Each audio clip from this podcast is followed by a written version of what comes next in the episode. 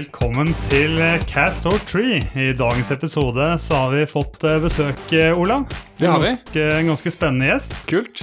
Karim, eh, kanskje du har lyst til å introdusere deg selv? Veldig gjerne. Um, så mitt navn er da Karim El-Melhawi.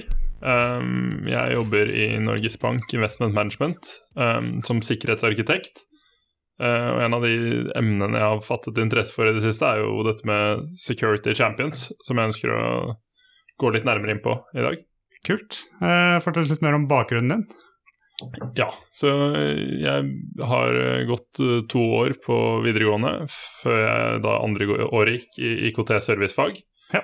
Eh, Derfra så kom det en veldig interessant organisasjon innom og fortalte litt om hvordan de satser på lærlinger. Og jeg valgte å egentlig basere karriereplanen min på det på det tidspunktet. Så jeg begynte i Intility som lærling, hvor jeg jobbet i totalt fem år. Uh, før jeg hadde litt over et år inne som konsulent og tok en del sertifiseringer og jobbet med å holde kurs innenfor Microsoft-teknologi og cloud. Uh, før jeg også begynte å fatte en interesse for security og endte opp som sikkerhetsarkitekt der jeg er i dag. Og hvordan kom du inn på sikkerhet? Hvordan fanga det opp i interessen din? Ja, uh, det, var noe som ble et fokus ettersom vi på en måte ble større som organisasjon der jeg jobbet. Uh, og, det var et arbeid som på en måte var Det var mye upløyd mark innenfor sikkerhetsbransjen i Norge. Og det å uh, faktisk ta ansvar og lære seg å sikre servere og applikasjoner var et sted jeg så stort potensial for å vokse og lære noe nytt. Så jeg hoppet egentlig inn i det, og når jeg da begynte som konsulent, så jobbet jeg med Oddvar Mo, og han lærte meg veldig mye om sikkerhet, og gjorde at jeg fikk eh, veldig lyst til å jobbe med det som fulltid, da. Hva gir det energi på jobb, og hva gir det energi utenfor jobb? Når jeg liksom føler at nå tenner jeg, nå blir jeg gira, nå har jeg lyst til å gjøre noe bra når det er på jobb, og det samme på hjemmebane. Ja, eh, så for å begynne med jobb, da, så er det gjerne hvis jeg får en idé, noe jeg tror kan virkelig løse noe, og ikke bare liksom Jeg, jeg har en tendens til å være veldig spontan av meg. Ja. Så jeg angriper gjerne den ideen med en gang. Og hvis jeg ser at jeg kan få en løsning på plass for det fort, så er jeg tent. Eh, da kan jeg jobbe til det er ferdig, eh, for å si det sånn. Eh, på hjemmebane så er det nok kanskje noe av det samme som driver meg litt. Spontane ideer. Jeg har nok blitt litt mindre spontan med årene, men jeg kan fremdeles uh, finne på å sende en melding til samboeren min. Hei, du, vi skulle ikke dratt til uh, den europeiske storbyen neste helg. Og så sender jeg bare svar, svar, svar, og så svarer hun ikke, og så skriver jeg bare en ny melding. Vet du hva, nå har jeg bestilt. Uh, og hun blir med?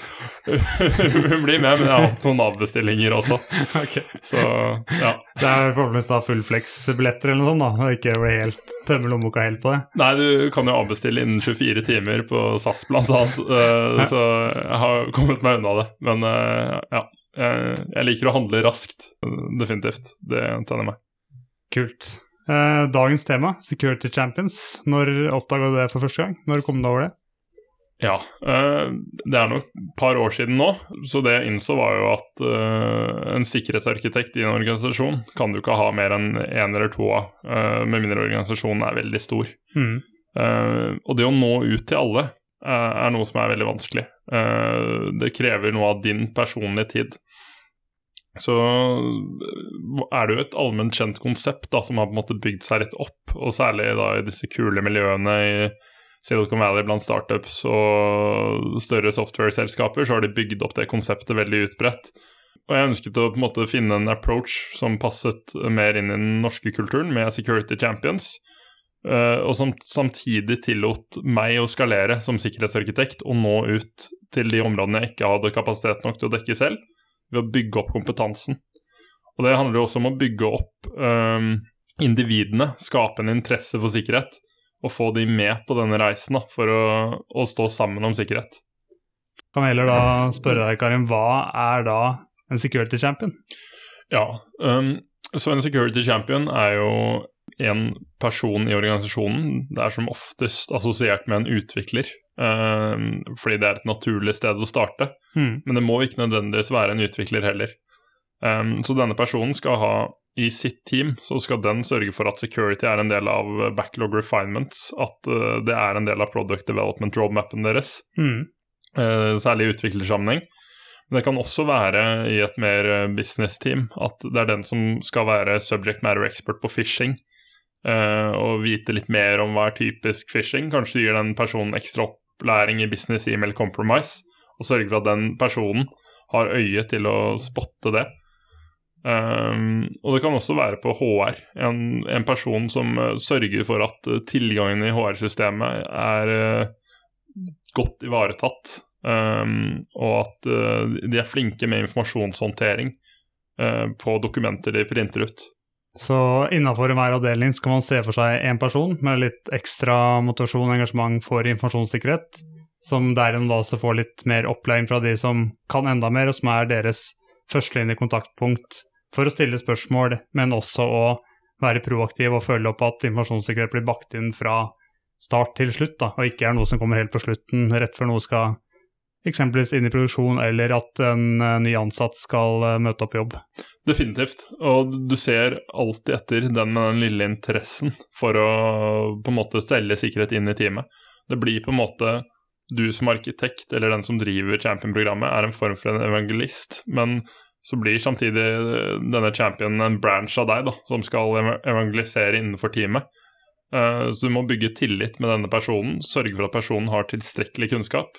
Men den personen har også en oppgave med å jobbe videre med det resterende teamet mm. for å spre den kunnskapen. Så det er en mini-sikkerhetsarkitekt, kan du se på det som. Og det er jo da, slik jeg leser, en ekstra hatt. Den eh, personen har jo oftest da sikkert en 80 %-rolle som den primært gjør ellers, og så i tillegg har han på seg en liten informasjonssikkerhetssats, hvor han da er en, eh, en som er førstelinjeforsvar for informasjonssikkerhet i det området der, da. Og som i tillegg kan eskalere opp til sikkerhetsarkitekter, eh, SISO og andre når behov og støtte trengs. Det er, det er, nettopp det, og det krever jo at organisasjonen er med på det her. fordi du skal jo rett og slett ta noen av arbeidsoppgavene til en person, og så skal du si at nå skal du jobbe litt mer med sikkerhet, og ikke mm. bare utvikling. Og det kan være litt hardt å selge inn i noen organisasjoner, at en du har ansatt som utvikler, skal fokusere på sikkerhet plutselig, for det har man jo ansatt et sikkerhetsteam til. Eh, men det er nettopp det at den personen da vil jo ha et interface mot sikkerhetsarkitekten og resten av sikkerhetsorganisasjonen. Kunne kontakte de og på en måte drøfte problemstillinger og kjenne sikkerhetsteamet på fornavn. Dette syns jeg også henger veldig godt sammen med moderne måter å drive prosjekter på. Eh, litt sånn DevOps-tankegang, hvor du ønsker å skape disse tverrfaglige teamene som kan ta beslutningene på egen hånd, og ikke trenger å eskalere ting ut i, lenger opp i linjen, men prøver å dytte alle beslutninger ned i teamet, sånn at de kan levere best mulig. Teamene blir jo definitivt mer autonome ved mm. å gjøre det her. Så i en DevOps operating model så passer det perfekt inn. Topp. Så kort oppsummert da, en som er security champion, er en tilleggsrolle, en ekstra hatt du har der ute. Du er på en måte første kontaktpunktet for de rundt deg i organisasjonen din, som kanskje da tør å stille deg litt ekstra spørsmål og ikke føler at de banker på døra til de tekniske IT-sikkerhetsgutta. Og som i tillegg da får mer informasjon, opplæring, støtte og er på en måte høyrehånda til de som jobber 100% dedikert med informasjonssikkerhet. da. Nettopp det. Men uh, hvorfor? Det er jo alltid interessant, uh, med et interessant tema å diskutere. Olav, fra et prosjektledelsesperspektiv, uh, har du noen tanker her? Hvorfor har dette behovet dukket opp? Det er jo ikke noe nytt behov, vi har jo alltid hatt behovet. Vi har bare ikke vært alltid like gode på å gjøre dette her. Og vi ser jo, med, som vi snakket om tidligere, med trender hvor vi ønsker å lage, gjøre teamene så autonome som mulig og kunne ta beslutningen selv, så har vi behov for å få sikkerhetskompetanse inne i teamene. Eh, før man drev med litt mer sånn klassisk prosjektledelse, hvor du hadde et prosjekt som gikk over flere år, og man satt og utviklet, og det var ikke alltid du hadde med forretning engang i, i prosjektet, mm -hmm. så ga man egentlig softwaren over til uh, sikkerhet rett før du skulle gå i prod, og de sa ofte da at her er det jo mange sikkerhetshull, ja. og så ble det krasj. Da sitter du på IT-sikkerhet og rister på huet, peker med fingeren, sier at dette er feil, dette er feil, og istedenfor å liksom enable, være med fra en tidlig fase og vise vei og peke retning, så blir IT-sikkerhet da sittende med det stygge kortet også internt. Da, fordi åh, nei, IT-sikkerhet det er bare de folka som sier nei. Ja, Det, det blir stillingskrig. IT-sikkerhet sitter og klager på prosjektet, prosjektet sitter og klager på IT-sikkerhet. Eh, og det blir ikke lagd noe, eller det skal bli ikke noe verdiskapning. Karim, hvordan har du sett dette her fra sånn teknisk perspektiv? Ja, så det er jo stadig den trenden med det man kaller uh, shift left da, innenfor sikkerhet. Og det å være tidligere inne i prosessen. Så det, det er litt som det Olav sier, hvor du har tradisjonelt hatt sikkerhet som kommer på slutten, og så gjør de en eh, code review da, av eh, flere titusener med linjer av kode og påpeker alle feilene. Det, det vil sinke prosjektet.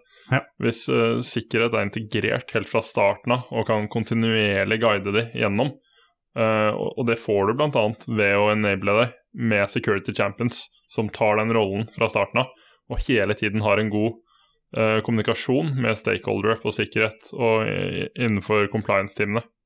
Som da har fått opplæring og forstår når de må eskalere til dere, eller trenger mer støtte og ikke kan ta beslutninger selv da, innenfor de rammene de er gitt. Definitivt. Og det fjerner også det behovet da, for å ha en arkitekt for sikkerhet innenfor hvert team. Eh, og da har man heller disse nodene, da, som jeg kaller det, eller uh, championene som er rundt i teamene, og leverer på det. Og, og det tenker jeg også med de, selskapene som har kommet ganske langt i dette her og jobber veldig smidig, og har ofte dytter til produksjon annenhver uke, eller på det med mer ekstreme én gang i uken, Mm. så har du ikke tid til å kjøre disse svære reviewsene eh, på slutten. Du må faktisk ha de med fra starten av. Ja, og hvis du da gjør mange slipp, f.eks. en gang per uke, så er det jo mye mindre sannsynlighet for at det er noe feil, da. Fordi det er mye mindre som slippes, det er mye mindre som skal sjekkes, men hvis det store vannfallsmetodikken, eller hva man skal kalle det, så er det jo plutselig Vær så god, her har du 200 000 linjer og en del infrastruktur og alt mulig, kan ikke du bare sjekke rett før vi skal tilby dette her til markedet? Det blir vanskelig. Karim, hvem er Security Champions for? Er det, må du ha 2000 ansatte og 20 programmerere for at det skal være relevant, eller? Ja, så jeg tror på en måte skalaen man eh, driver program i, kommer litt an på organisasjonens størrelse. Men eh, jeg, jeg tror det definitivt er for alle, i forskjellige skalaer. Um, uansett hvor liten eller stor en organisasjon er, så kan ikke IT-sikkerhetsteamet uh, gjøre den jobben her alene. Så man er nødt til å distribuere ansvaret og få alle med seg. Så jeg, jeg, jeg tror det avhenger litt. Olav, har du noen tanker? Nei, jeg tenker egentlig det, det samme. At, um, at det å putte sikkerhet i, i fokus, og få det ut i organisasjonen, er viktig. Uansett om du er eh, to ansatte eller eh, 2000. Men um, hvor eh, systematisk du implementerer metoden, det må du se litt an hva som passer. Jeg har ikke veldig troen på at det er eh, one size fits all, at du kan dytte samme metode i alle selskap. Du må faktisk vurdere det. Og det gjelder egentlig alle, alle metoder du prøvde ut. Det blir jo litt som å hente inn en konsulent som skal vurdere informasjonssikkerheten og risikoen til selskapet, som bare har en ferdig template og sier dette er deres risiko, og dette er slik dere bør gjøre. Ja. Men det er jo ikke sånn, alle selskaper har jo ulik risiko og ulik risikoappetitt. Så den joggebuksa passer ikke til alle. Og, og igjen, det handler også om å eh, forbedre disse teamene, få, få det ut i teamet. Det er, det er veldig vanskelig å lære det bort, du må ha det i teamet. Men en annen ting som er veldig interessant å snakke om, er jo hvordan innføre security champions i selskapet eller organisasjonen. Og da tenker jeg at det første man må starte med, er jo støtte fra toppen av selskapet. Enten om det er direktører eller avdelingsledere, avhengig av hvor stort selskapet er. Så trenger man støtte fra toppen og anerkjennelse og forståelse på hvorfor man skal innføre, det, sånn at man også får de eh, midlene og den støtten man trenger for å innføre det. Men så når du har stått på foran de alle de ansatte, forklart Security Champions, eh, forklart hvorfor og hvordan, hvordan finner du det, Karim? Ja, ikke sant? Så da har du jo et godt utgangspunkt. Du har på en måte forankret beslutningen beslutningene hos ledelsen. Dette er noe de ønsker å gå videre med. Eh, Du har sannsynligvis blitt enig om rammene for programmet. Hvor mye kan du bruke per champion du rekrutterer? Sånn cirka hvor mange er liksom et suksesskriterium å ha med i dette programmet. Um, og derfra så går du videre, da, uh, hvor du er nødt til å bli kjent med disse kandidatene du nå har plukket ut. Uh, for et godt utgangspunkt, hvis dere skal samarbeide og klare det over en lengre tid, er å bli kjent litt på det personlige planet. Um, så, så der ville jeg foretrukket å begynt med kanskje et lite intervju, men ikke så formelt som et intervju, men kanskje heller en samtale som er litt toveis. Jeg spør den personen litt om dens erfaringer. Eh, jeg deler litt av mine erfaringer og min karrierevei. Um, og prøver på en måte å finne ut hvorfor var det denne personen her valgte å nå ut og si 'jeg vil være en security champion'. Eh, hva var det som fattet denne interessen? Og jeg tror ofte det stammer i at man eh, har hatt en interesse for sikkerhet og et ønske om å jobbe mer med sikkerhet i karrieren sin. Og, da er jo det å bli en security champion en helt unik mulighet da, for å ta en mer aktiv rolle der. Og hvis du finner noen som er oppriktig og motivert og engasjert for å bistå, kanskje har sett at det er litt mangler ute i organisasjonen, som har litt kunnskap og som i tillegg kan få faglig påfyll fra dere, så har man et utrolig godt utgangspunkt for å lykkes. Da har man absolutt vilje, og man har evnen, og så får man påfylt enda mer kompetanse i løpet av det programmet her også. Definitivt. Og da må man jo ta det videre derfra med å se på de individene man har rekruttert, hvordan man best kan hjelpe de. Uh, alle er jo forskjellige, og du er nødt til å tilpasse programmet avhengig av de forskjellige individene du har. Så å begynne med kanskje en snevre målgruppe først er, kan være praktisk, for å ikke uh, måtte dekke for mange forskjellige områder. Og så tilpasse opplæringen for de målgruppene. Prøve å finne fellesnevnerne, dra nytte av det og, og gjøre litt individuelle tilpasninger for uh, hvert enkelt uh, person sitt behov. For en security champion på HR for eksempel, da, har jo litt andre utfordringer og ting å ta tak i enn en security champion på finans. da. Nettopp det. Uh, og, og, i tillegg da hvis du tar utviklere inn i brøken, og, og, så tar du de som jobber med infrastruktur, og så tar du de som jobber med nettverk. Hvis organisasjonen ikke er helt transformert i DevOps fordi skillene er visket ut, så er det utfordrende. Eh, og du må jobbe med dem på forskjellige måter. Og finne eh, forskjellige måter å lære de på, og bygge de opp. Og så tenker jeg at gjennom å gjøre det på den måten her, så må man bygge opp en vanvittig overvåkenhet og sikkerhetskultur og internt selskapet. Da. Fordi da er det jo veldig Det er jo ikke noe som skjer bak lukkede dører. Det er på en måte Her ønskes alle velkommen inn til å bistå til å bygge opp informasjonssikkerheten i selskapet, og alle kan ha en mening. Og programmet gjør at man enabler de der ute til å gjøre en Eh, bedre jobb, da.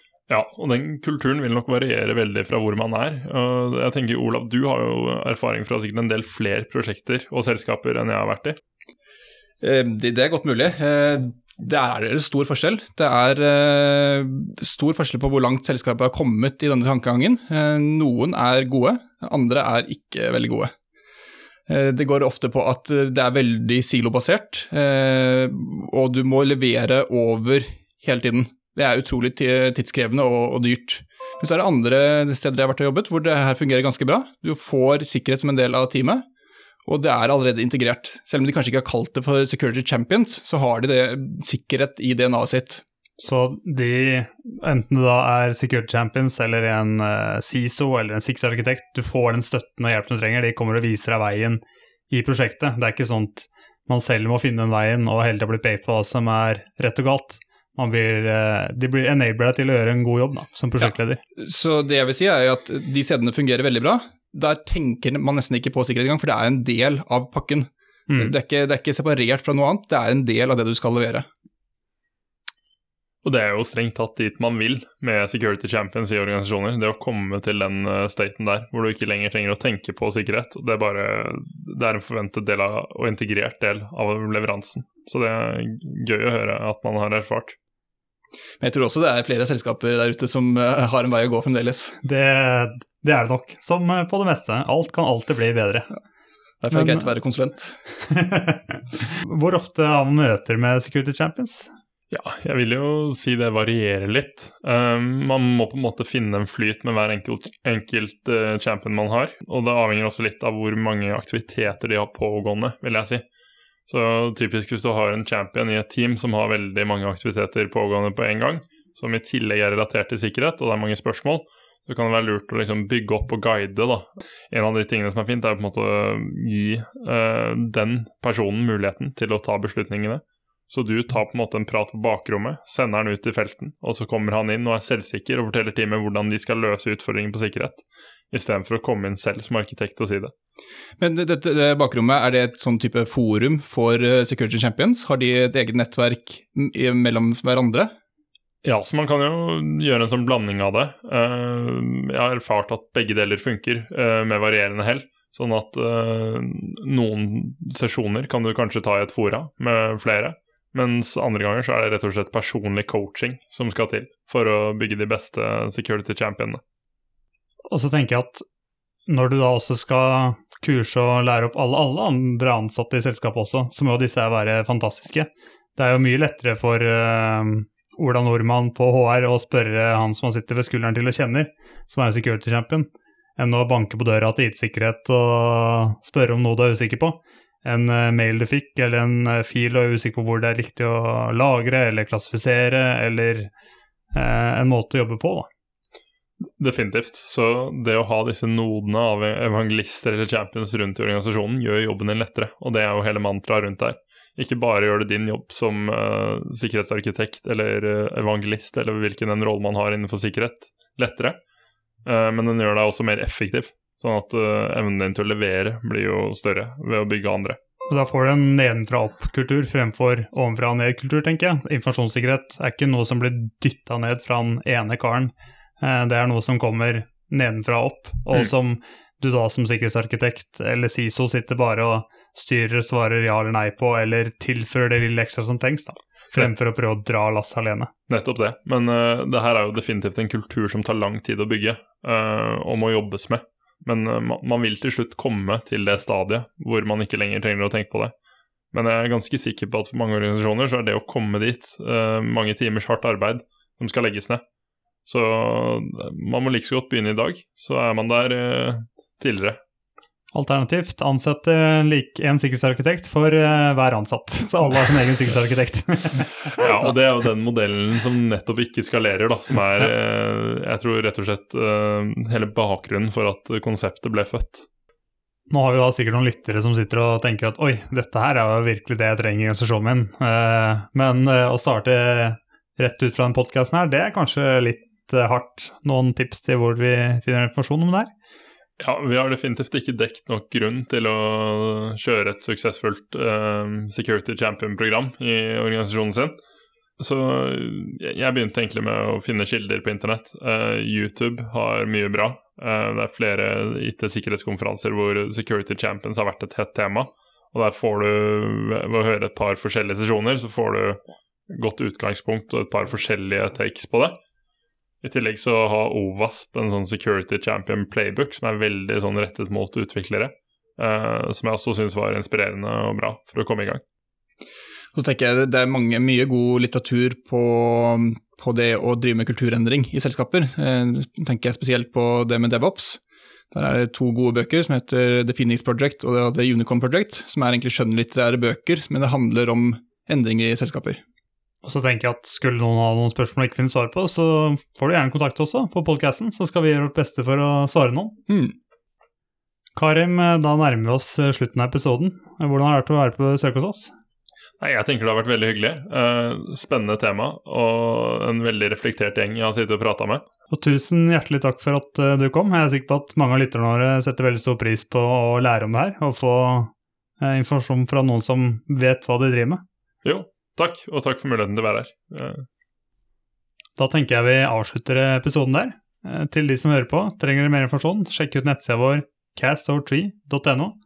Finner oss også på Facebook, LinkedIn og Instagram. Da er det bare å søke opp Castover3. Takk for nå. Takk for nå. takk.